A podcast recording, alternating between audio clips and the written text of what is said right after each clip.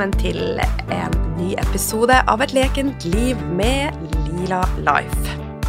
Og i dag så er det ikke bare meg som skal skravle, men jeg er så heldig å ha med meg han Anders Krogfoss.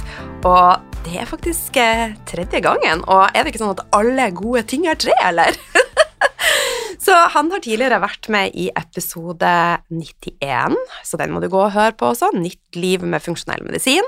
Og i episode 122, en antiinflamatorisk livsstil.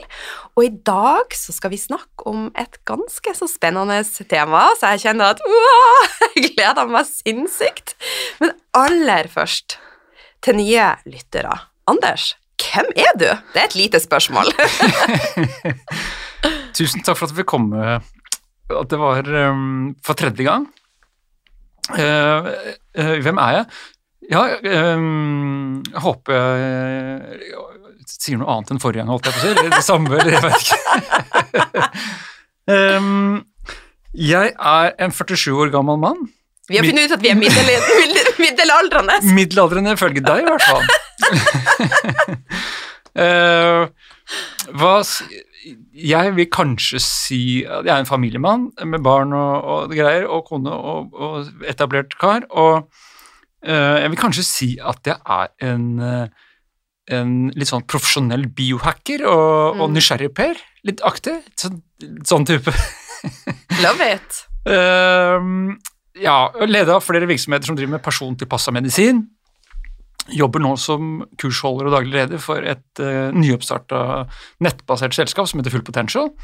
Som uh, er sånt, en, en, digital utviklingsplattform for sånne som deg og meg.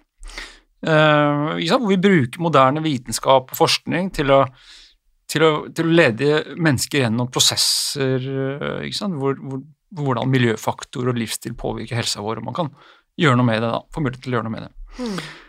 For det er faktisk ganske nytt, dette her med at, um, at, at hvor, altså forståelsen av hvor viktig miljøet og, og, livsstilen faktisk er for helsa vår. Mm. I gamle dager trodde man at det var bare gener nesten og uflaks. Ja. Så det er faktisk ganske nytt ja.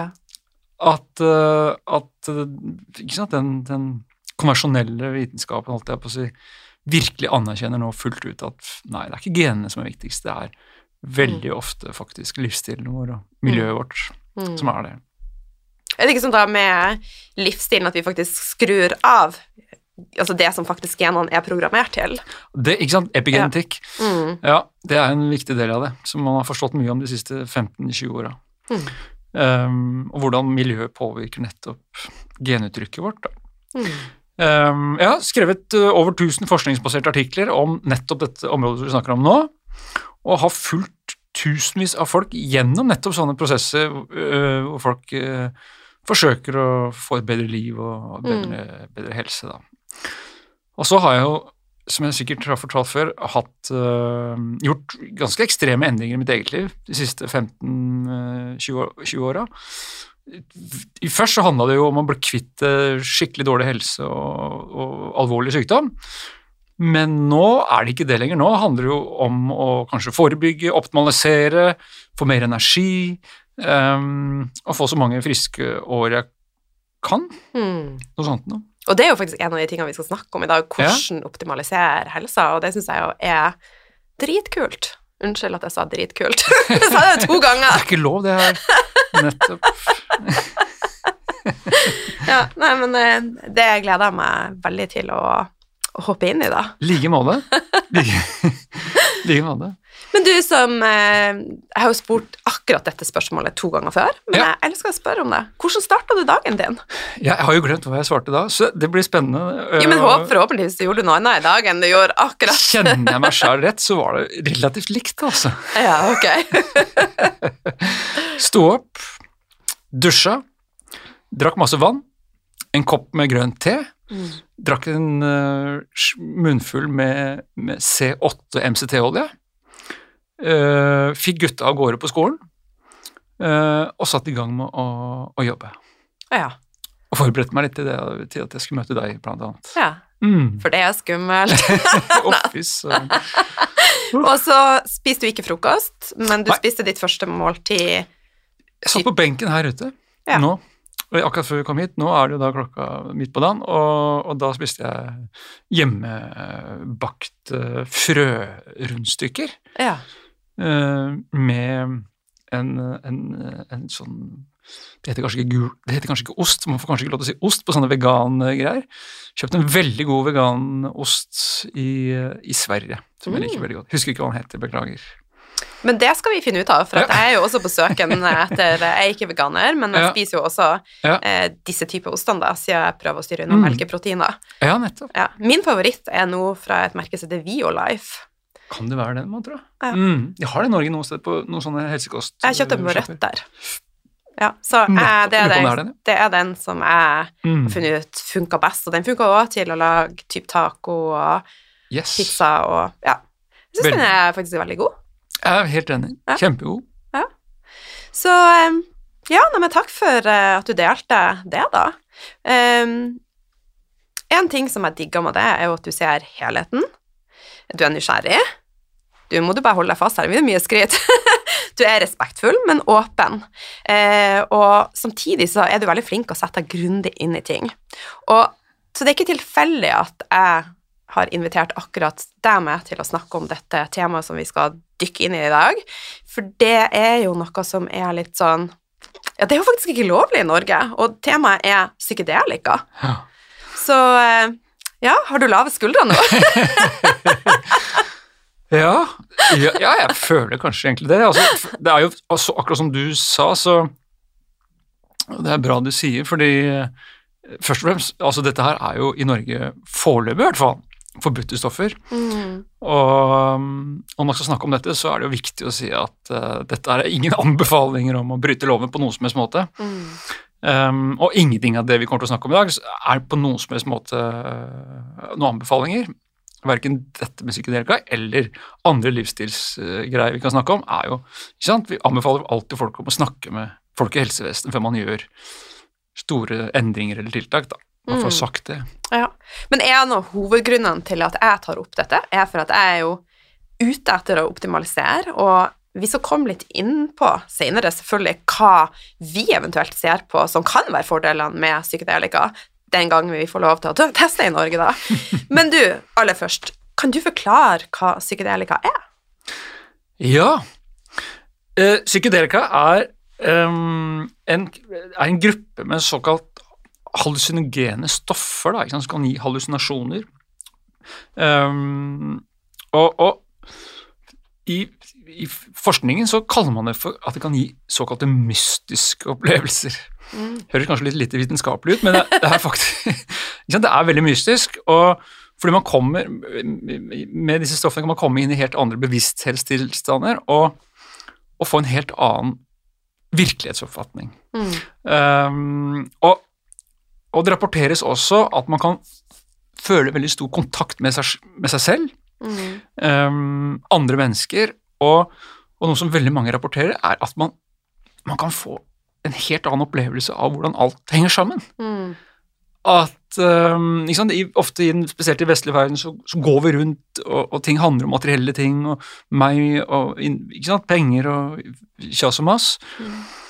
Men så får man plutselig kontakt med på en måte en annen form for bevissthet. Rett og slett et høyere perspektiv på ting. Ikke sant, helt annet perspektiv som gjør at Mm. oi, fy søren, jeg er visst en del av noe større. Jeg er en del av naturen, jeg er en del av alle disse menneskene Mm. rundt. Og, og alt dette her Man kan få kontakt med seg selv og livet sitt på en helt annen måte, som gjør at, at veldig mange rapporterer at, at livet rett og slett får en helt annen mening. Da. Mm. Mm. Og det er jo utrolig eh, spennende, altså. Ja. Men Og, Ja. ja. bare for, ja, bare for kanskje si det, siden altså, psykedelika det er jo, det er jo brukt i mange mange tusen år, kanskje hundretusener år. mm, Det veit man ikke. Det, eh, eneste folkeslaget i verden man ikke har klart å finne spor av bruk av psykedeliske stoffer, er, er inuittene. mm, Uh, og, og på 50- og 60-tallet så var det jo en voldsom bølge med forskning på mange av disse psykedeliske stoffene. og men disse stoffene ble ofte så spesielt LSD, da ble jo knytta til hippiebevegelsen. eh, og, og, og, og gjennom det så ble det satt i gang en voldsom sånn svartelisting. da. mm, Så det var stor, stort forskningsmiljø ledet av Harvard eh, eh, i 50-60-tallet, og, og Timothy Leary og hele den gjengen der, Smiley. Um, men alt det ble svartelista av Nixon med, med The War on Drugs, eller hva han kalte det for noe. Og slo alt under en kam. Slo alt ned, både i Norge, for det var forskning i Norge også, Mm. og, og rundt omkring i verden. Alt ble slått ned, um, og har ligget nesten helt dødt, helt til 2006, hvor det, det verdensledende sykehuset John Hopkins Hospital uh, fikk faktisk tillatelse til å gjennomføre en helt ny uh, studie, svær studie på Ja. psilocybin, altså det vi kaller for fleinsopp, da. Og det har vi masse av i Norge. Har vi ikke det? Jeg veit ikke. Jo, jeg tror, det er, jeg tror det er rundt omkring i meste av verden, ja, altså. Kanskje i Norge også. Um, og og den, den studien i 2006 ved dette sant, veldig anerkjente uh, institusjonen, ehm, med, hvor de faktisk brukte fulldose psilocybin. Jeg tror det var noe sånn fem grammer etter noe sånt nå. Det, det gir Altså, det er, det er, det er voldsomme greier. Og, og det viste eh, og fikk voldsom oppmerksomhet, at det viste betydelige og varige positive endringer i på en måte humør, holdninger, atferd. Det var rett og slett fantastiske resultater. resultater og den studien den rett og slett utløste det som senere har vært en voldsom renessanse, og, Mm. og, og forskning på psykedeliske eh, stoffer. Og, og, nå forskes det på dette her over hele verden. Fantastiske resultater. Og, og det forskes til og med også i Norge på flere av, av disse stoffene, og man antar at det kanskje kan, eh, i tillegg til USA og mange andre steder, bli tilgjengelig noen av disse stoffene for terapi, Mm. kanskje i 2025-2026, mener noen. Fantastisk. Mm. Og for det er jo sånn at eh, psykedelia brukes ofte i traumearbeid for å komme i kontakt med underbevisstheter. For det er jo sånn at den bevisste hjernen vår han styrer ca. 5% av virkeligheten. Underbevisstheten, der lagrer vi traumer og ting som vi faktisk bare legger lokk på. Ja. Og en ting som jeg er veldig opptatt av, er jo at eh, følelser er jo energi, og hvis vi Mm. ikke får de forløst, så setter det seg som blokkering i systemet. Mm. Men det psykedelika, det, for, for sånn som jeg har forklart det, så hjelper det oss å komme eh, til kjerna, så at vi kan heale på et mer nøytralt sted. For at hvis vi skal heale og gå i terapi og sånn, så vil vi jo hele tida må rippe opp i det som faktisk er såret og traumer, på gang på gang på gang. Mm. Mens med psykedelika så er det på et annet nivå. Mm. Følger du meg, og eventuelt har du noen tanker her? Ja, absolutt. Jeg syns det er superspennende altså, å, å lese mange av disse rapportene og, og, og oppdagelsen som er gjort rundt um, effekten av disse stoffene. Da. Og Mm. jeg ser spesielt sånn som MDMA, MDMA, altså det som man ofte kaller ecstasy, da, i hvert fall en, en form for ecstasy. Mm. Partydopet eh, brukes jo nå Forskes det jo nå mye på i forbindelse med, med, med posttraumatisk stressyndrom, blant annet, og mye forskjellig. Og psilocybin. Eh, syntetisk, eller det som da sant, kom fra fleinsopp. da. Det forskes spesielt mye på de. Eh, I Norge forskes det på MDMA, vet jeg, og ketamin, eh, visstnok også, i Østfold. Sykehuset i Østfold. Um, og, og, og det som viser seg, det er at, at disse stoffene gjør det mulig for mange da, å, å se på traumatiske og vonde opplevelser ut, som du sier, uten at traumene på en måte reaktiveres eller forsterkes. Da. Mm. Og at man, at, at, eh, at man kan oppleve ved, at man blir eksponert for vonde ting, Mm. og så mestrer man det da, inni sin egen bevissthet. Man plutselig man klarer å, uten å gå rundt det, liksom, så klarer man å gå gjennom det og inn i det, og, og på sett og vis mestre det, og, og sånn sett få et helt annet perspektiv på, og mestringsfølelse, da, Mm. og bevissthet i forhold til hvordan jobbe med, med, med vonde, vonde ting, da, hvis det ga noen som helst mening. Ja, absolutt. Mm. Absolutt. Jeg så en TV-serie der det faktisk akkurat det du sier, var illustrert, da. En som var i terapi, og Ja. han hadde eh, posttraumatisk stress, da. Og så, med å bruke psykedelika, så fikk han gjenoppleve, som du sa, Ja. episoden, og så fikk han faktisk lage en ny slutt på det, Nettopp. som da var med Mm. å heale han, da. Ja. Ja. Ikke sant? Man Så- går med vonde opplevelser, man bare, man bare stamper det så langt bort man bare kan, og så bare aner man liksom konturene, og det sitter i kroppen, og det er angst, og, Mm. Og så plutselig så klarer man å få tilgang til det, virker det som. Mm. ikke sant? Virker, virker i hvert fall som disse studiene viser at det er mulig å få til. da. Mm. Men Mm. er det forskjell, altså for du sier at det er syntetisk fremstilt. Er det, finnes det noe i naturlig form og noe syntetisk fremstilt, og er det en forskjell? Ja, akkurat liksom, de helt liksom, nøyaktige forskjellene, det, det vet jeg ikke hvordan de fremstiller det syntetisk, men, men det er jo fra, fra soppen fleinsopp da, som vokser i naturen, Mm. som dette her først ble, eh, ble brukt. da. Mm. Og eh, nå veit jeg ikke I forskningen så bruker man i stort sett bare syntetiske stoffer, tror jeg. Altså, kanskje det er mulig at man bruker disse soppene, og det, det, vet, det har jeg ikke kjennskap til, men det er sikkert mye enklere å kontrollere og måle og sørge for at alle får akkurat den samme dosen Samme dosen, når, man.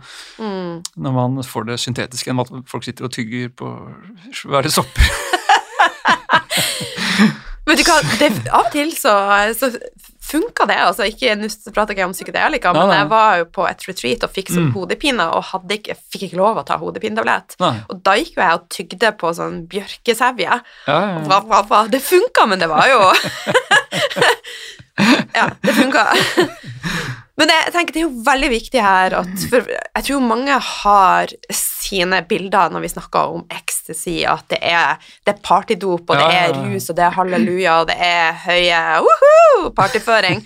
Så her er det ikke det, eh, det vi snakker om. Her. Jeg tror også, bare for å Unnskyld at jeg avbryter. Jeg tror bare at jeg tror det er et litt annet stoff, altså. Mm. Det som er partydrugs. Jeg tror det er litt mer amfetamin eller et eller annet sånt, noe som blir litt mer sånn Ja, også at opplevelsen faktisk blir utapå kroppen. ja, ja. For her er poenget å få opplevelsen inni kroppen, og det Mm. er inn inni systemet. Det er jo ikke rus Nei, i det hele tatt. Så det er ikke med å Mm. døyve, det er ikke med å gi den her følelsen av den klassiske rusen som både er alkohol og Mm.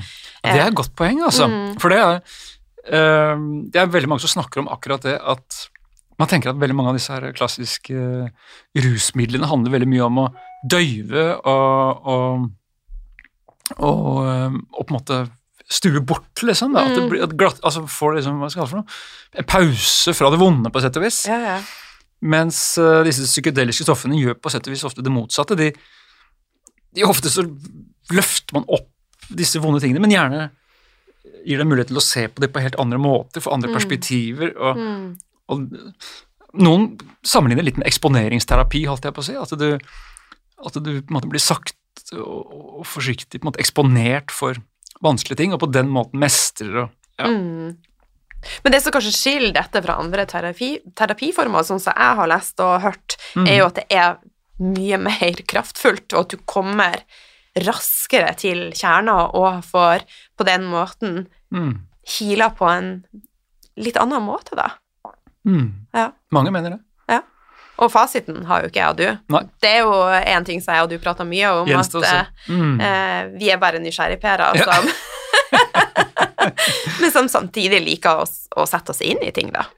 Ja. Akkurat. Ja, for det er jo spennende at det, noe som egentlig bare har blitt sett på som liksom livsfarlig narkotika, holdt jeg på å si, Mm. liksom plutselig nå har blitt noe av det mest interessante innenfor uh, psykiatrien og, og forskningen, altså Mm. over hele verden, også i Norge, liksom. Så jeg syns jo det er veldig kult. Spennende, i hvert fall. Fantastisk. Ja, helt fantastisk. Mm. Men du, kan du fortelle litt om de mest kjente, eh, i parentes anerkjente, formene for psykedelika, og hvordan vi som mennesker kan bruke dem? Ja, um, det er jo um, Det er jo um, MDMA snakka vi om. Mm. Eh, LSD, det var jo det man forska veldig mye på på Harvard på 50-60-åra. og Mm. ja, Det tok jo helt av der. Eh, og så var det psilocybin, og, som jeg har snakka om. Og så har vi DMT, som, som jo det er mye av i, i det som er kjent som ayahuasca, -hmm. som er blitt liksom, brukt i tusener av år, i, spesielt i Amazonas og ja. urfolk og sånt, da, som også har psykedeliske liksom, eh, effekter. Da. Men det forskes vel kanskje aller mest i dag på det er ikke noen er fasit, men jeg, mitt inntrykk er at det kanskje forskes mest på MDMA og psilocybin, Mm. og, og litt på ketamin, som er også et stoff som minner litt. da. Mm. Så ja. Og um, Ja, så det er, de er liksom de, Og hvordan vi kan nyttiggjøres av dem. Mm. Ja, det har vi på en måte snakka litt om, Ja. da. Mm. Um, sant, som handler om dette her med bevissthet og, og kontakt, og alt er kobla sammen. Og, men men, um, men det fører jo veldig ofte til, ser man her alle rapportene, til at folk rett og slett føler at livet har mye, har mye større mening, da. Mm. Og det kan vel ikke bli bedre enn det, Nei, det, mm, det er jeg enig i. Men eh, altså Da også tenk nyttiggjør og stemme, så tenker jeg på For at psykedelika er jo ikke lovlig i Norge. Nei. Eh, men det er jo lovlig, og det blir jo mer og mer anerkjent i Mm. andre land. Og jeg vet eh, Altså, nå hører jeg på mye podkaster fra, fra USA, og Ja. Der er jo ene lederen etter den andre reiser på retreat og bruker psykedelika for ja, Mm. rett og slett til traumearbeid, men også for å komme og utvikle seg sjøl i Mm. businessen sin, og så Ja, kan vi reise til f.eks. USA og hive oss på eh, dette, eller? Det veit jeg faktisk ikke. Nei. Det har jeg aldri Ja, men altså- hørt. Men eneste jeg veit, og som jeg leser en del om, det er jo å se at det er stat etter stat i USA nå som er i ferd med å um, sant, få jeg tror det er spesielt psilocybin, da, mm -hmm. um, som på en måte lovlig bruk i terapi. Og, det, og de, jeg tror det er Oregon, ja, som nå er første stat ut, som nå driver og gjør klart ikke sant? Mm. Og massevis av terapeuter som har lov til å Ja. drive med psykedelikaterapi. Da. Så, og det er jo mange andre steder som også er på vei. Ehm, og, og ja, så Men en kar som jeg har lest veldig mye om, da, som jeg syns er spennende å følge, det er en som heter Roland Griffith, som er eh, leder for, for et av de store på en måte jeg vet ikke om man kaller det avdelinger eller divisjoner eller et eller annet på John Hopkins. Eh, Og er han som eh, er han som på sett og vis, han som gjorde den første studien i 2006, Mm. som gjorde at hele dette feltet åpna seg igjen, var da leder, hadde en som har gjennomført flest studier i, i verden. Over 400 psykedelikastudier Wow. på John Hopkins, spesielt med psilocybin. da. Mm. Og, og, um, og noe av kontroversen med disse stoffene, sier han, det er jo at, at disse stoffene er så, så kraftfulle, da. Mm. At eh, det faktisk gjennom nesten alle tider har, har vært en trussel mot makt og maktstrukturer. Og, um, og rett og slett fordi at mennesker kan begynne å tenke og føle annerledes, få en helt annen bevissthet. Vi kan våkne! ikke sant? Få en helt annen bevissthet. Og, ja, kanskje ikke det var så gøy å jobbe med det jeg gjorde, kanskje det var andre ting som er viktigere. Altså, ja, får en eller annen form for sånn eh, Ja, så, så, så han Griffith han sier rett ut at disse stoffene de har vært og er en trussel og har, har blitt forsøkt nedkjempa helt siden spanjolene kom til Sør-Amerika. Og, og, og da borte så brukte jo psykedeliske stoffer, har gjort det i tusener av år, og de prøvde å få bort alt sammen, Mm. fordi det var nettopp en trussel mot det spanske styresettet, sier Griffith. Og, og det ble også banen til Timothy Leary og gjengen hans på Harvard på, på 50-60-tallet. De, de så så enorme resultater at de ble så gira på dette greiene her at de Mm. gikk ut av kontroll. og og, og Griffith sier at myndighetene fikk da liksom panikk for all, all denne frihetskampen og, og alt det greiene der, um, og, og gjorde myndighetene veldig ekstremt. da. Og, og Derfor er John Hopkins veldig opptatt av å gjøre denne forskningen på en måte som ikke er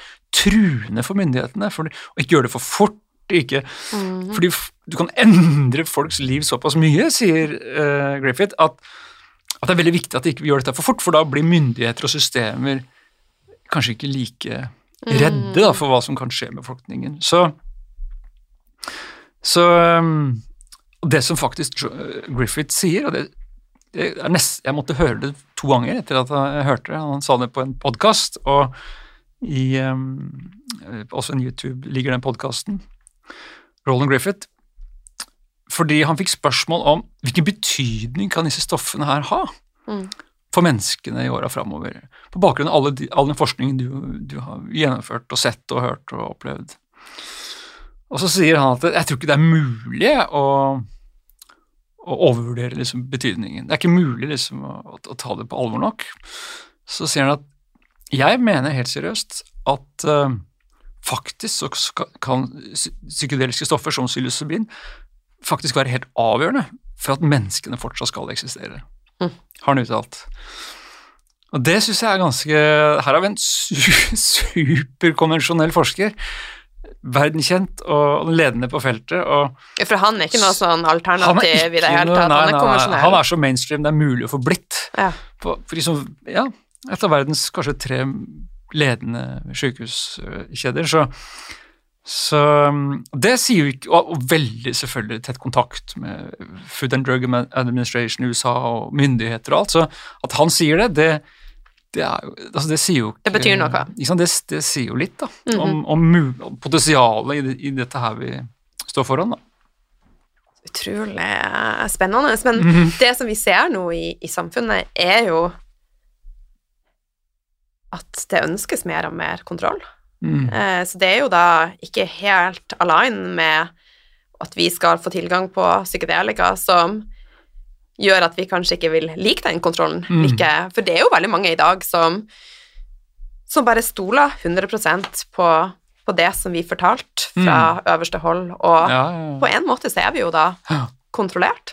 Og jeg er jo en rebell der, altså. Ja, det er jo massevis av utrolig spennende historier fra, fra gamle dager, si, fra 50-60-åra, hvor man For det var nettopp dette her? Det var nettopp denne her hippiebevegelsen og frihet og, Mhm. og, og, og disse folka som ble nesten bokstavelig talt høye på disse resultatene, da. Ja. Det, går, det gikk jo også rykter om at man faktisk vurderte å, å ha, putte en del stoffer i drikkevann og sånt. for, å, ja, for å vekke hele befolkningen i byer og greier. Hvorvidt det er sant, aner jeg ikke, men, men, eh, men ja. Og, og at, at soldater fikk LSD, Vietnam-soldater fikk LSD og, og For å faktisk å forska våkne? På, forska på det. Nei, ikke for å våkne, men for å sjekke hva som skjedde. Og det, skjedde, det som skjedde, var visst at eh, de hadde ikke noe lyst til å være militær, militære i det hele tatt. og var ikke interessert i å gå i krig i det hele tatt. Ja, det er jo en måte å få de til å våkne på, ja, faktisk. faktisk. Men jeg tror Ja. kanskje, jeg veit ikke om det var hensikten. Oh, ja! Jeg tror kanskje ikke det var hensikten, men det veit jeg ikke. Så hensikten var det motsatte? Kanskje.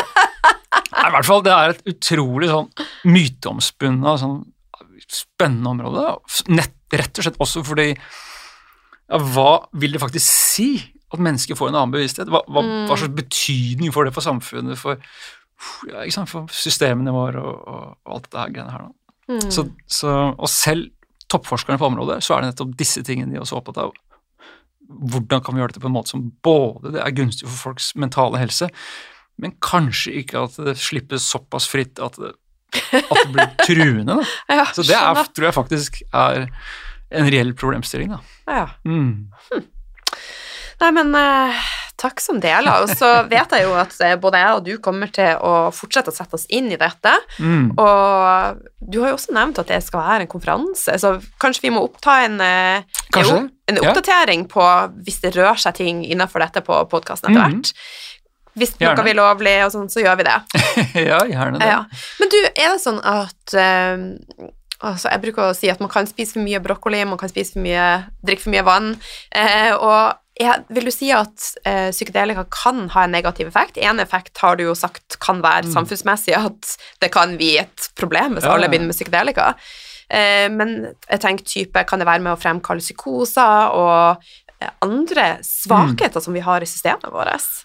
Ja, veldig fint at du spør om det. Fordi øhm, det er jo viktig å si at all min, på måte, min kunnskap om dette kommer gjennom studier og Mm. kontrollerte forsøk og greier. Mm. Og det er jo alle de som driver med dette, er veldig opptatt av å, å poengtere at uh, de rammene som dette blir gjort under da, i forskningsforsøk, er jo sånn man er helt aleine, omgivelsene, settingen er helt perfekt, man har medisinsk apparat rundt, dosering og alt blir nøye liksom, administrert og greier. Og, og, og, og, og da er jo rapportene at det så, så frem til er under veldig sånne kontrollerte former, så har det en ekstremt god sikkerhetsprofil, Mm. virker det som, ut ifra hva jeg kan lese og har hørt. Um, ikke sant? Gitt at det er sånne trygge omgivelser, selvfølgelig. Um, men de nevner også at det er ganske strenge At du må gjennom ganske strenge screeninger da, for, å, for å faktisk få være med. Og da er sånne ting som de ser etter. Det er jo sånn borderline personlighetsforstyrrelser og ikke sant? En del sånne personlighetsforstyrrelser som kan på en måte potensielt være en eller annen ja. Mm. Um, som kan være en utfordring. Altså. Så, så jeg ser i hvert fall at de i alle studier er veldig opptatt av å, å luke ut der hvor det kan nettopp skje sånne ting som du nevner. da. Ja, fint å høre, da. Mm. At, eh, men det er det andre aspekter med psykedelika som du tenker er verdt å dra frem, som du har lyst til å snakke om? Um, det som jeg syns er litt interessant, det er jo dette her med, med uh, forskning på, på psykedelika i dag, da, er jo veldig tett knytta til diagnoser, for det er det vi driver med i medisinen. Det er jo diagnoser, altså. Derfor er det jo sånn at uh, er MDMA gunstig ved PTSD, depresjon, avhengighet, er psilocybin og så gjør man sånne dobbelt blinde forsøk og, for å randomiserte greier for å kunne publisere som all annen medisinsk forskning. Mm. Men det f.eks. Griffith sier, da, det er jo det at uh, det er noe de gjør bare for å passe inn i den verden vi lever i. Mm. Rammene og rett og slett Rett rammene, fordi det er diagnoser og symptomer vi liksom forholder oss til. Men, eh, men John Hopkins de, og Bill Richards og hele den gjengen der på John Hopkins, de er veldig opptatt av at ja, vi gjør det for å passe inn og få det til å funke, dette systemet, men i bunn og grunn så påvirker i hvert fall psilocybin, som de snakker veldig mye om, det påvirker ikke nødvendigvis enkeltsymptomer bare, det påvirker hele operativsystemet, sier de. Du endrer ikke bare et symptom, du endrer hele operativsystemet til mennesket, sier de. Mm. Og da kan det påvirke ikke bare ett symptom, men det kan påvirke mange diagnoser. Og hele livet som helhet, og bevisstheten, da. Mm. Og så, så det sier kanskje noe om omfanget her, da, ikke sant. Og andre medisiner som handler mer om å dempe symptomer, så handler dette her om å gjøre noe med de underliggende Årsakene. årsakene, på Mm. sett og vis, da. Er det som Er det som eh, blir rapportert, da. Mm. Så, mm, så, og resultatene de siste 15 åra de bekrefter jo de fantastiske resultatene fra 50- og 60-åra. Mm. At disse stoffene gitt riktig og trygt Mm. kan muligens ha ekstremt god effekt for mange. Og mm, ja, og som sagt så, så er, det, er det jo spennende at selv i Norge så har det begynt å forskes på dette her. Fantastisk. MDMA og greier. Ja. Så jeg kjenner bare at jeg gleder meg til det kommer mer, og jeg håper og tror at blir mer og mer lovlig, da, og, men selvfølgelig i kontrollerte former. Ja.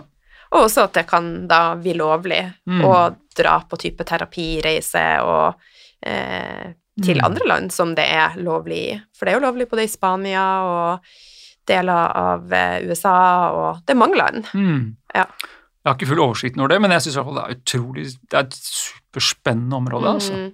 Og kontroversielt, og spennende også fordi det er litt kontroversielt, og det har politisk og veldig sånn Ja, jeg syns det er litt sånn ja, kult. Ja. Mm. Nice.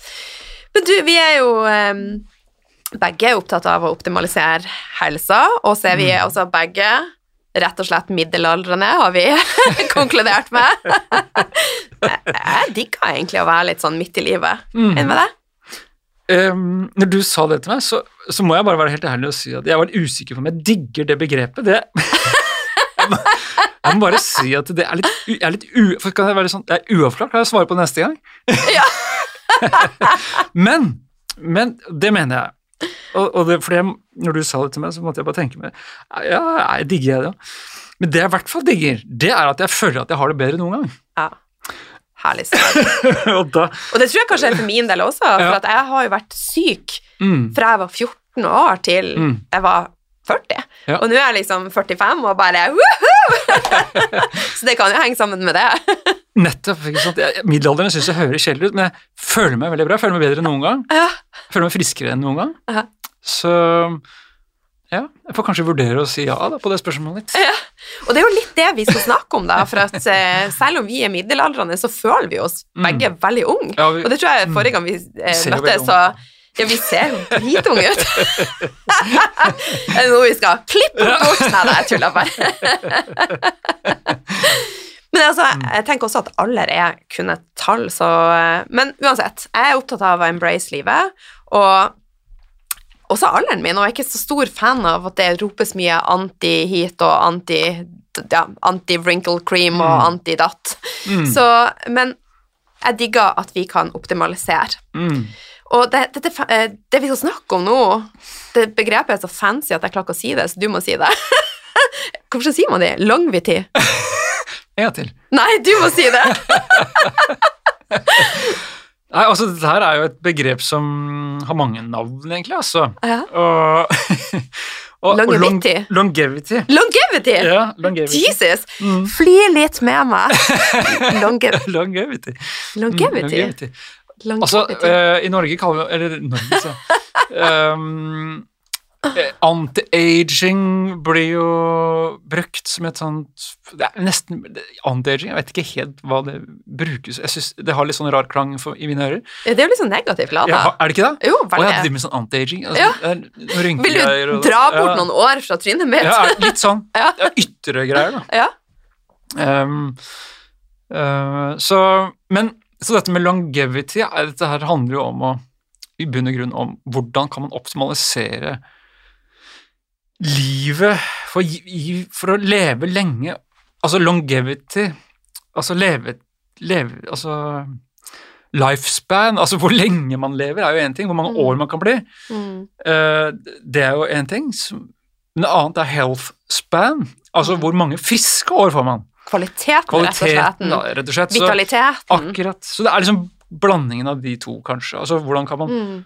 både sørge for å leve litt lengre, men kanskje også leve flest mulig friske liv med mest mulig energi, da. Ja, for inntil eh, nå nylig så har jo levealderen vært altså, høyere enn noen gang, men også Mm. antall sykdommer, både fysisk, psykisk og emosjonelt, er jo høyere enn noen gang. Eh, Mm. Men for noen år siden så var jo faktisk eh, så at livsalderen var på, på vei ned, da, i hvert fall i USA, da. Så, eh, Faktisk. Mm. ja. Men tilbake til det her Mm. vitale og det gode livet, da. Mm. Hva, har du noen gode hacks eh, å dele med oss? Hacks, det høres jo veldig fancy ut. noen gode tips?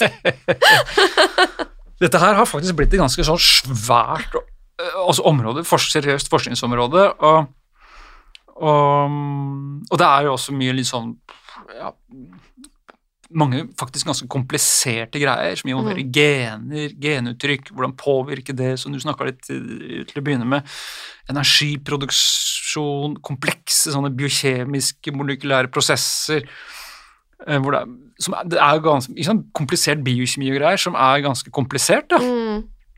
Uh, og, og, det som i hvert fall er helt sikkert, det er at det er ikke én enkelt faktor som, som liksom Spis den tabletten der, bare liksom stå hopp opp på den der krakken der, liksom, et eller annet. Altså, det er på en måte Det er ikke Det er, det er, det er mange faktorer samtidig, og, og det er store individuelle forskjeller, fordi her, vi er ulike vi er ulike mennesker med ulike gener, Mm. som lever i helt ulike miljø, øh, og har helt ulik livsstil. Mm. Og det er, det er milliarder av kombinasjoner for hver enkelt oss.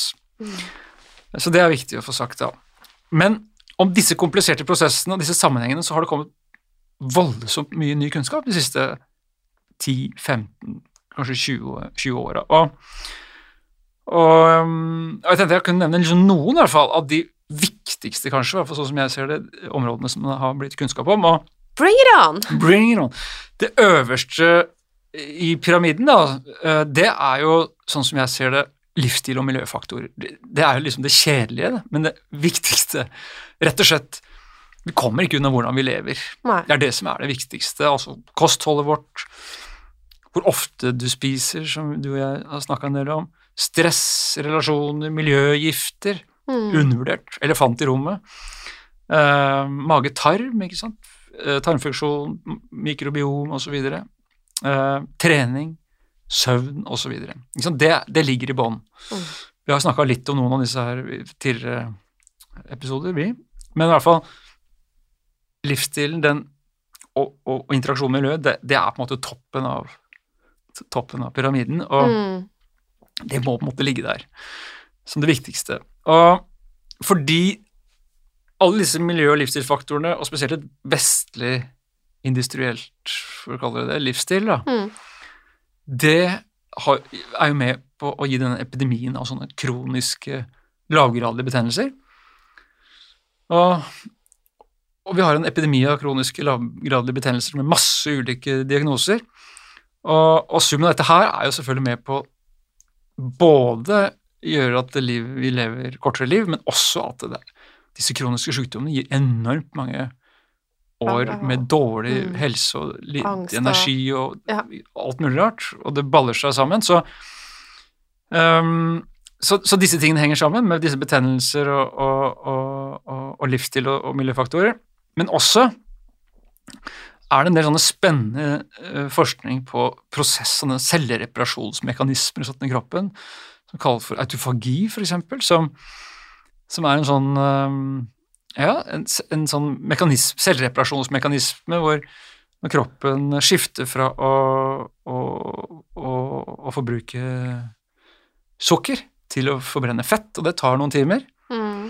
så, så, setter kroppen i gang med å liksom fornye ødelagte deler av cellene og, sånt noe, som er veldig viktig for levetid og helsa vår. Rett og slett vårt innvendige verksted? Ja, eller sånn resirkulerings... Ja. Ikke sant? Er det ikke det? Resirkulerings... Uh, jo. Ja. Uh, maskineri. Mm. Um, og den prosessen, den, den, kan jo bli veldig mye kraftigere hvis man uh, har, har liksom spiser mindre kalorier, kalorirestriksjon, eller fasting, som kanskje er den mest effektive måten å få det på. da. Man, mm. Fordi prosess, Det tar ganske mange timer før det, dette skiftet skjer, og det er først da denne autofagien setter i gang, og, og du får disse gunstige cellemekanismene. Så, Hvor mange timer, tenkte du? Ja, dette her tror jeg det er store individuelle forskjeller, forskjeller på kvinner og menn osv. Men mm. for meg så pleier jeg å gå ca. 16 timer i døgnet uten mat. da. 16 timer, ja. Cirka 16 timer. Det er det som jeg gjør, i hvert fall. Mm. Så, så, det er det med autofagi. Og så er det kanskje en annen ting som også er utrolig sånn hot om dagen. da. Og det er jo å forske på, på NAD.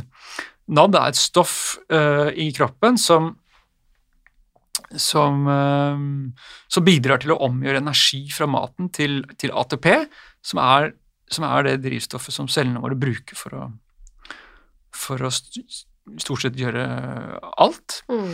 Um, og ikke sant, NAD er avgjørende for et, et molekyl som er avgjørende for vedlikehold av cellene våre, og faktisk så, så vil også trening og faste være med på å øke også NAD i kroppen, da, som fører til bedre DNA-reparasjon og også masse greier. da. Og Faktisk så er NAD et molekyl som er så viktig for kroppen at uh, man sier at uten det så hadde vi levd i maks 30 sekunder. Wow. Så viktig er NAD for kroppen. da. Det er helt avgjørende for energiproduksjon. Ja, uten det så hadde vi nesten ikke orka å gjøre noe som helst. Jeg bestilte NAD i går. Oi, såpass, ja. og uten å ha hørt alt dette. og, og, og, men kroppen produserer navn. Mm. Uh, men det er sånn at vi har mest NAD i kroppen når vi, når vi er barn. Selvfølgelig. og så er det, har jeg lest, at, uh, at det blir 50% reduksjon i kroppens produksjon av NAD hvert 20. år. Så, det, så, da kan vi bare regne, da. Det blir ganske mange prosent totalt som det har gått ned naturlig for oss, da. Um, Men da, da er bare ett mm. spørsmål, for at mm. mange tenker jo de er 25 og 30, og så er livet bare woho! Eh, og det er jo blant annet for at hormonene er mer balansert, du har, mm. som du sier, vi produserer mer NAD. Ja. Men det er jo kanskje viktigere da enn noen gang å tenke at du må ta vare på deg sjøl, også når du er 25 og 30, ja, ja. sånn at du faktisk har et godt utgangspunkt når du er 40 og 50, mm. så dette bare går ned, går og ned og ned og ned. Akkurat. Og så er alle disse livsstilfaktorene med på å redusere um, produksjonen, for å kalle det det, av NAV. da. Mm. Så du får Det går enda raskere nedover, da. Mm. Uh, hvis du da har en dårligere livsstil osv., så, videre, så så klarer du ikke å klarer du ikke å få produsert nok NAD, og du får mindre energi, og du blir slapp og sliten. Og, ja. Så Og det fins naturlige stoffer uh, som kan styrke disse prosessene her med NAD, um, og det er jo og det er jo at, ikke sant, det, som du har gjort, da, du går inn og får, kjøpe NAD direkte, men det er ikke sånn her er, forsk, her er, det mye sånn Her er forskerne Her er det mange Delte meninger. Delte meninger og, ja. og, man er ganske tidlig i forskningen. Eh, Man er ganske trygg på at NAD er veldig trygt å ta, Mm. men, men i hvilken grad kroppen klarer å nyttiggjøre seg med det aleine som et molekyl osv., der, der er det forskning på gang, og man er ikke helt 100% trygge, da.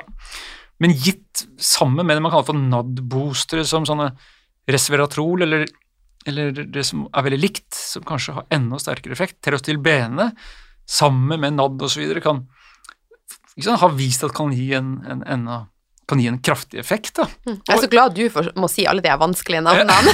At jeg slipper det! Det er mange av disse her polyfenolene og, og, og disse sant, som kommer fra, fra rødvin og blåbær og jordbær og, og sånn Alt dette er antioksidanter. Fisetin og alt det greiene her. Ehm, Det vet jeg. som, eh, som, eh, ja, som er med på å booste NAD. Mm. Så mange spiser både NAD, men også en del av disse forløperne da, Mm. som, som er med på å øke NAD. Så her må man nesten bare lese litt mer. Her er det masse liksom, ulike meninger og greier, og masse så spennende som skjer. Mm. Og det, det stoffet som har kommet nå for ikke så lenge siden, dette som heter spermedin som er noen sånne, spennende ut. noen sånne krystaller som, en, som man fant visstnok i, i sperm. da. Som, Så det, jeg var også- på rett spor. Så, du var på rett spor. Som viser at også kan Ja, så der skjer det masse spennende. Og så er det berberin, som også er sånn, sånn bærstoff, og kersetin, mange av disse her stoffene, da. I tillegg Unnskyld. Det går helt fint. I tillegg så har det jo han Bra å si at han Anders er et Ja. også. Han kan hoste. ja, ja, ja, Så har du han forskeren på um, Han øh, jækla kule forskeren på Berkeley, som er jo en av de ledende Han er vel nesten 90 år, tror jeg. Bruce Ames, Wow. professor på Berkeley, fortsatt 90 år gammel. Og han har jo Han er jo veldig opptatt av vitaminer og mineraler Mm. i forhold til levetid osv. Og, så og han har jo lagd en liste på, på de 41 vitaminene, og det han mener burde være vitaminer, på ulike eh, stoffer og fytonæringsstoffer og vitaminer og mineraler, som han mener er helt avgjørende for at vi mennesker skal, skal eh, kunne leve optimalt og lenge. Det han, altså han snakker ikke om vitaminmangel og sånt nå. Han snakker om Optimalisering. han snakker om hva slags mengde med vitaminer Ja. og mineraler bør du ha for å kunne leve optimalt, Ja. og for å kunne leve lenge. Mm. Det er ganske spennende, synes jeg, å lese det han, eh, han sier. Veldig anerkjent eh, kar fra, fra, fra Berkeley. Og ligger dette tilgjengelig noen plasser, den, de 41? Ja, Ja. det gjør det. Ja. Uh, det gjør det. Faktisk. Ja, og det går an å søke på Bruce Ames, og, Bruce Ames. og, og og, ja, han har gitt ut mange artikler. Så du tar 41 tilskudd da daglig? Nei, det veit jeg ikke helt, altså. Det, nei, det gjør jeg ikke. Nei. Nei. Det er ikke fordi det er en tilskudd, men om jeg får med alle 41 det, fordi Du må jo kombinere det med, med. Man får jo se mye av dette greiene her med maten man spiser. Ja. Så, så, men jeg spiser ikke 41 tabletter, nei. Det gjør jeg ikke. Det, det, det kan jeg avvise. Så, så alt dette her tenker jeg jo er er, um, er liksom ja, så noe av det som på en måte er det hotteste da, innenfor dette med anti-aging og, og Du sa jo anti-aging. ja, ja. Vi må finne et annet ord. Long, jeg kaller det longevity, men i Norge så kan man ofte long- la- Men så- Vi- anti-aging høres jækla litt sånn overfladisk ja, litt Embrace aging. sånn Ja, nettopp. Embrace aging. Anti-aging Ja, det, vet jeg Jeg, jeg veit nesten ikke helt hva anti-aging er. Jeg, jeg. Men longevity, forskning og kunnskap veit du hva er. Biohackerne er vel også veldig opptatt av Longevity. dette her med å leve lenge og Jeg sa det sånt, og- Ja, greiene der. jeg veit ikke. Kult. Mm. Men du, kan psykedelika være med å være en hack som optimaliserer Ja. Hva tenker du? Dette her blir jo litt sånn spekulativt, da. Mm. Jeg skal være forsiktig liksom å si at, eh, at psykedelika er liksom Ja. Men eh, Men eh, Og jeg veit ikke om noen studier som, som, som sier at psykedelika er med å øke levetiden. Det, det, kan jeg, det kan jeg ikke huske å ha sett, altså. Nei. Men men så kan jo jeg spekulere og tenke at eh, et liv eh, med bedre kontakt med seg sjæl og naturen og Mm. og at oppleve at, at livet er mer meningsfullt. Det høres jo i hvert fall ikke ut som et veldig Det høres jo ikke ut som et eh, usunt perspektiv på livet, i hvert fall. Absolutt ikke. Um, så er det jo selvfølgelig også masse studier som viser at f.eks. psilocybin, som kanskje forsker mest på, kan ha en betennelsesdempende effekt, blant annet. Så det finnes masse sånne studier. Så, men man hvorvidt det øker levetiden, nei, det vet jeg ikke, altså. Mm. Kult. Men du, hva gjør du sjøl for å optimalisere? Jo, Da må jeg bare si dette er ikke noen anbefaling, da. Men um, Nei, men, Men- snakker men- du bare ut fra ditt men perspektiv. Jeg snakker bare fra mitt perspektiv, da, på, Ja. hva, på hva jeg tenker og hva jeg kjenner for meg, da, som er Mm. viktig for meg. Må prøve å være ærlig på det. Mm. Og, og um, jeg tenker jo at det først og fremst så er det aller, aller viktigste for å kunne leve et uh, fristilangt liv, det er å kjenne at uh, å føle at livet har en Altså ønske at livet skal ha Søke mening, da. Mm. Søke at livet skal ha en form for mening. At det ligger en eller annen form for Purpose. purp- at det er en form for retning i hele greia, liksom. Mm. Og for, for meg så er det så er det um, det som på en måte har, som hjelper meg i min nysgjerrighet, og, og sånt, det er jo det at jeg liksom ja, jeg, Mm. Det er en eller annen At jeg, det gir meg en eller annen form for mening, da, å å lære å forstå og ja. Ja, Jeg liker dette livet her, liksom. formidle dette til andre. Og, og Ja, du, det ja. du åpner jo dører for veldig mange mennesker. Det er det jo i meninger. Ja, ja, det kan du si, altså. Mm. Um, hvert fall for meg, i hvert fall. Og, så, men så i hvert fall det å, å kjenne liksom at det, ja, det ligger noe entusiasme der et eller annet som, Mm. som bringer meg videre på sett og vis. At jeg ikke måtte bli stående fast eller Ja. Så det mener jeg det mener jeg for, for, meg er viktig. Å beholde det, da. Da. Um, og så er det jo sånne ting som ja, passe på tarmhelsa. Få nok pro prebiotika, ikke spise for mye sukker. Som, Der er du ganske rå, altså. der er jeg ganske rå. Men det er klart, har du hatt ulcerøs kolitt en gang i tida, så, så jeg vil ikke ha det tilbake igjen. Nei.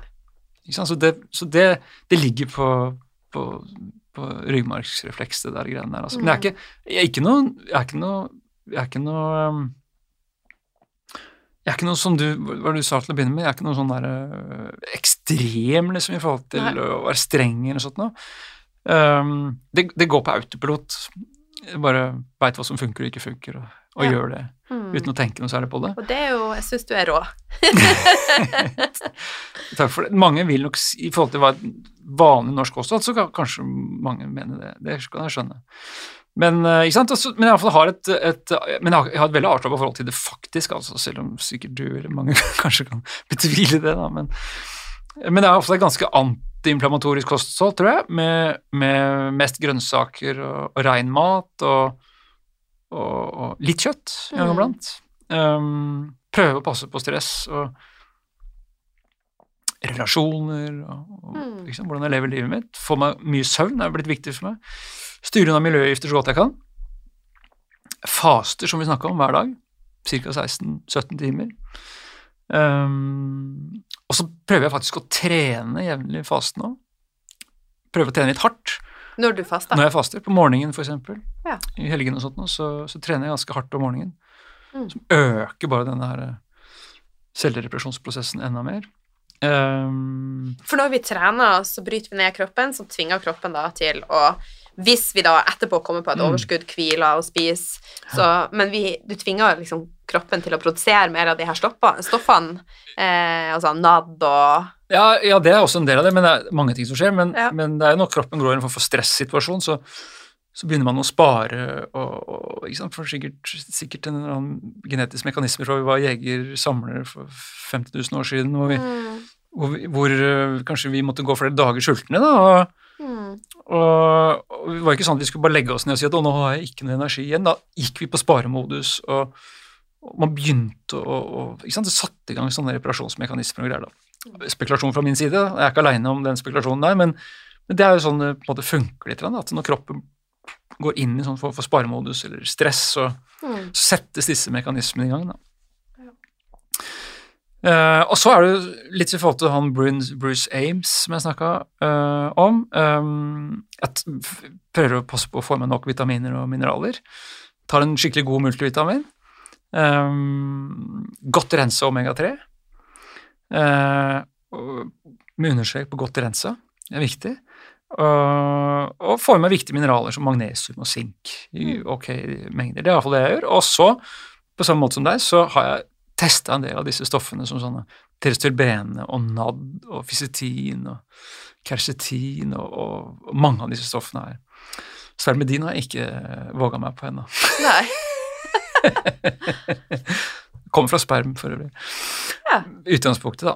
men, men, ehm, så, men det og Jeg er ganske sensitiv. Jeg tror, eh, kanskje jeg har ganske ok NAD-produksjon naturlig. Så Mm. Hvis jeg får i meg for mye av dette her, så blir jeg fullstendig ADHD. Altså, det er vanskelig å ha i hus, tror jeg faktisk. Og Så jeg kan også forberede meg på å få en reaksjon på det. Nei, altså Hvis jeg får for mye av dette greiene her, så klarer jeg ikke å sove. Blir, det, det- det går så voldsomt. Det blir så mye trøkk, og, og, og jeg klarer ikke å, å holde fred. Altså. Det blir uh, voldsomt for både for både meg og andre, tror jeg. Så, så, så, så kanskje det er tegn på at jeg har Det vet jeg ikke. Kanskje det er tegn på at jeg har ok produksjon.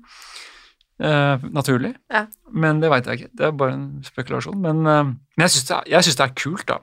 Fordi dette her er greier som jeg i hvert fall kjenner og merker noe voldsomt. Ja. Nice. Gleder meg til å, til å teste ut det. Mm. Men eh, nå bor jo du i Oslo. Jeg bor òg i Oslo for tida. Mm. Eh, men jeg har lest mye om eh, Blue Zones. Er det sånn at vi bare bør emigrere dit, alle sammen? ja, nå har ikke jeg full oversikt over alle disse her blue zones rundt omkring i verden, og de endrer seg kanskje litt òg, men det veit jeg ikke. Men, men det er iallfall folk, hvor folk, er steder hvor folk lever lenge, da. Men øh, det som jeg i hvert fall veit, og som det forskes enormt mye på, det er at øh, noen av de befolkningsgruppene i verden som er aller friskest, og har lavest andel av kroniske syke, det er mennesker som lever sånn som vi mennesker har levd lengst. Mm. Uh, og det er altså som jeger-samlere, eller i nærheten av jeger-samlere, eh, som lever i naturen og spiser masse uh, grønnsaker og, og vilt kjøtt og, og har masse kontakt med naturen. Uh, og, og det er, jeg syns det er superinteressant at forskerne på folkehelse rundt omkring i verden nå, nå, nå, eh, nå ser på hvordan den moderne livsstilen, i kontrast, eh, gir oss kroniske sykdommer. Og, og hvordan disse jegersamlerne hva- Hva er det med deres livsstil som gjør at de er så friske? Og mange av dem har nesten ikke hjertesykdommer eller kreft eller noe som helst. Så, så det er i hvert fall masse å lære derfra, tenker jeg. Mm. Mm. Og hvis vi ser på mengden med inntrykk, informasjon og stress som vi omgir oss med nå, hvis vi Mm. bare går 50 år tilbake, det er jo helt vilt. Altså, den eh, altså, Ja, det er så mye. Mm.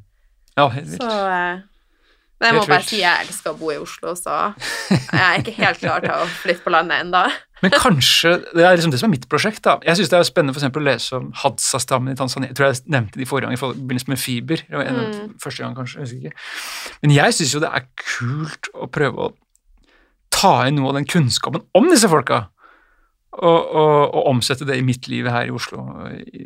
Det, synes, det går jo an. Absolutt. Så hvis du ser en mann som får springe i skogen og roper ulla, ulla, ulla, så er jeg med som fjær i, i Så er det han Anders som har leka Tanzania. Ja, ja, ja, ja. Spiser babab og skyter pil og bue. Yes. Og jeg er for å tygge på som bjørkesevje. Yes, men du, helt på tampen, er det noe du Ja. vil tilføye? Um, vet du hva, jeg bare syns det er kult at du syns det er kult å prate om så mye rare greier. uh, jeg syns dette her er veldig rare greier. Jeg, og det er sånn, jeg er jo, jeg vegrer meg egentlig for å snakke så mye med folk om disse tingene. Jeg, jeg vil ikke prakke på mitt liv eller noe sånt på, på, på, på de fleste folk, da. Og her får du Ehm, lov å bare fri flyt! Så jeg synes jo det er, det er på en måte en sånn våt drøm for meg å liksom få lov bare, bare få være meg, da. Ja. Være så rar som det er, og bare pøse, pøse ut. Fordi jeg tenker jo det at de fleste Jeg føler kanskje det, at de fleste de, de, de har ikke så lyst til å vite noe om dette greiene. De, er ikke så, de vil leve sitt liv og bare liksom Det er bare Ja. forestillingen jeg har, det er mulighet til å feil, men det er min forestilling at jeg har ikke så lyst til å få prakka på det der rare livet ditt, Anders. Altså, det, det har lyst til å leve livet mitt som jeg. Jeg får bare dårlig samvittighet og føler skam på, på alt det der greiene der. Så, så derfor syns jeg det er kult at du bare At, du liker det, det greiene der. Jeg digger det. Og så tenker jeg bare at det er så viktig for de som hører på nå, og det snakka jeg og du om før vi Ja. eh, begynte å spille inn, Mm. at verken jeg eller Anders er spesielle. Altså, vi er akkurat sånn som du, men vi har gjort små skritt over Mm. lang tid, og så har Ja. vi fått store resultater. Mm. Så alle kan klare dette, men du må Ja. starte i en ende. Ja. ja, det er så viktig, altså. Mm. som, akkurat som vi snakka om før, så noe av det viktigste for meg er jo ikke å fremstå som en sånn helsefrik, for det er, føler jeg ikke at jeg er, altså. Eh, jeg, er ikke, jeg er ikke så jeg, ikke, jeg har ikke noen ideologi, egentlig. Jeg har ikke noen retning på noe som helst. Jeg bare prøver å gjøre så godt jeg kan, og, og, og, men det jeg er både gøy og spennende. Og, og jeg er så enig. En eller annen plass må man starte, liksom. Mm. Og, og helst så også så er jeg ikke noe glad i når man blander inn skam og skyld. og og jeg klarte ikke så lenge, eller som du snakka Mm. om før vi kom inn her, at, at hvordan kan jeg klare å kutte ut våre havremelk? eller etter, altså, Mm. og så går man inn i sånne der skamaktige greier, føler skyld for at man ikke klarer å være så flink som de Mm. andre er, et eller annet. Så, Mm. så, så i hvert fall for meg så er bottom line handler dette her mye større om hvordan kan, hvordan kan jeg på en eller annen måte inspirere andre liksom, til å komme i gang med et eller annet, og, Mm. og, og, og istedenfor å bare gå inn med tvang og hardhet og Mm. Lys og kjærlighet. That's the spirit. Yes! Ja. Men du, hvor kan eh, folk treffe deg hen? Jo ehm, I skogen? I sko... I um, nei, altså nå er det jo da øh, nå, nå jobber vi jo da med dette her superspennende øh, prosjektet Full Potential, fullpotential.net, så det kan du jo gå inn og, og sjekke ut. Um, vi som jobber der, vi driver nå også og, og, og, starter opp en, en podkast som, som, som vi håper vi kan få invitere deg til etter hvert. Gleder meg. Og, og det kan vi kanskje også legge, legge en link til etter hvert, uh, når vi får starte opp det. Så, så men, men på Full Potential, uh, der, der kan dere. Og så driver jeg fortsatt og, og skriver masse artikler på, på funksjonellmedisin.no, hvor det også går an å lese alle disse tusenvis av artiklene som jeg har skrevet. Litt tørt, øh, for det er jo veldig mye sånn forskningsgreier, men allikevel skogbra- skogbrann! Fare! må bare si det, jeg må bare advare. Liksom. Ja, men jeg syns jo det er kjempespennende, da. Det syns jeg også. Men du, tusen takk eh, for at eh, du ville være med igjen. Setter veldig stor pris på det. Ja, virkelig. Tusen takk for at jeg fikk lov til å komme og være rar. Bra vi kan være harde i lag. Yes. Tusen takk.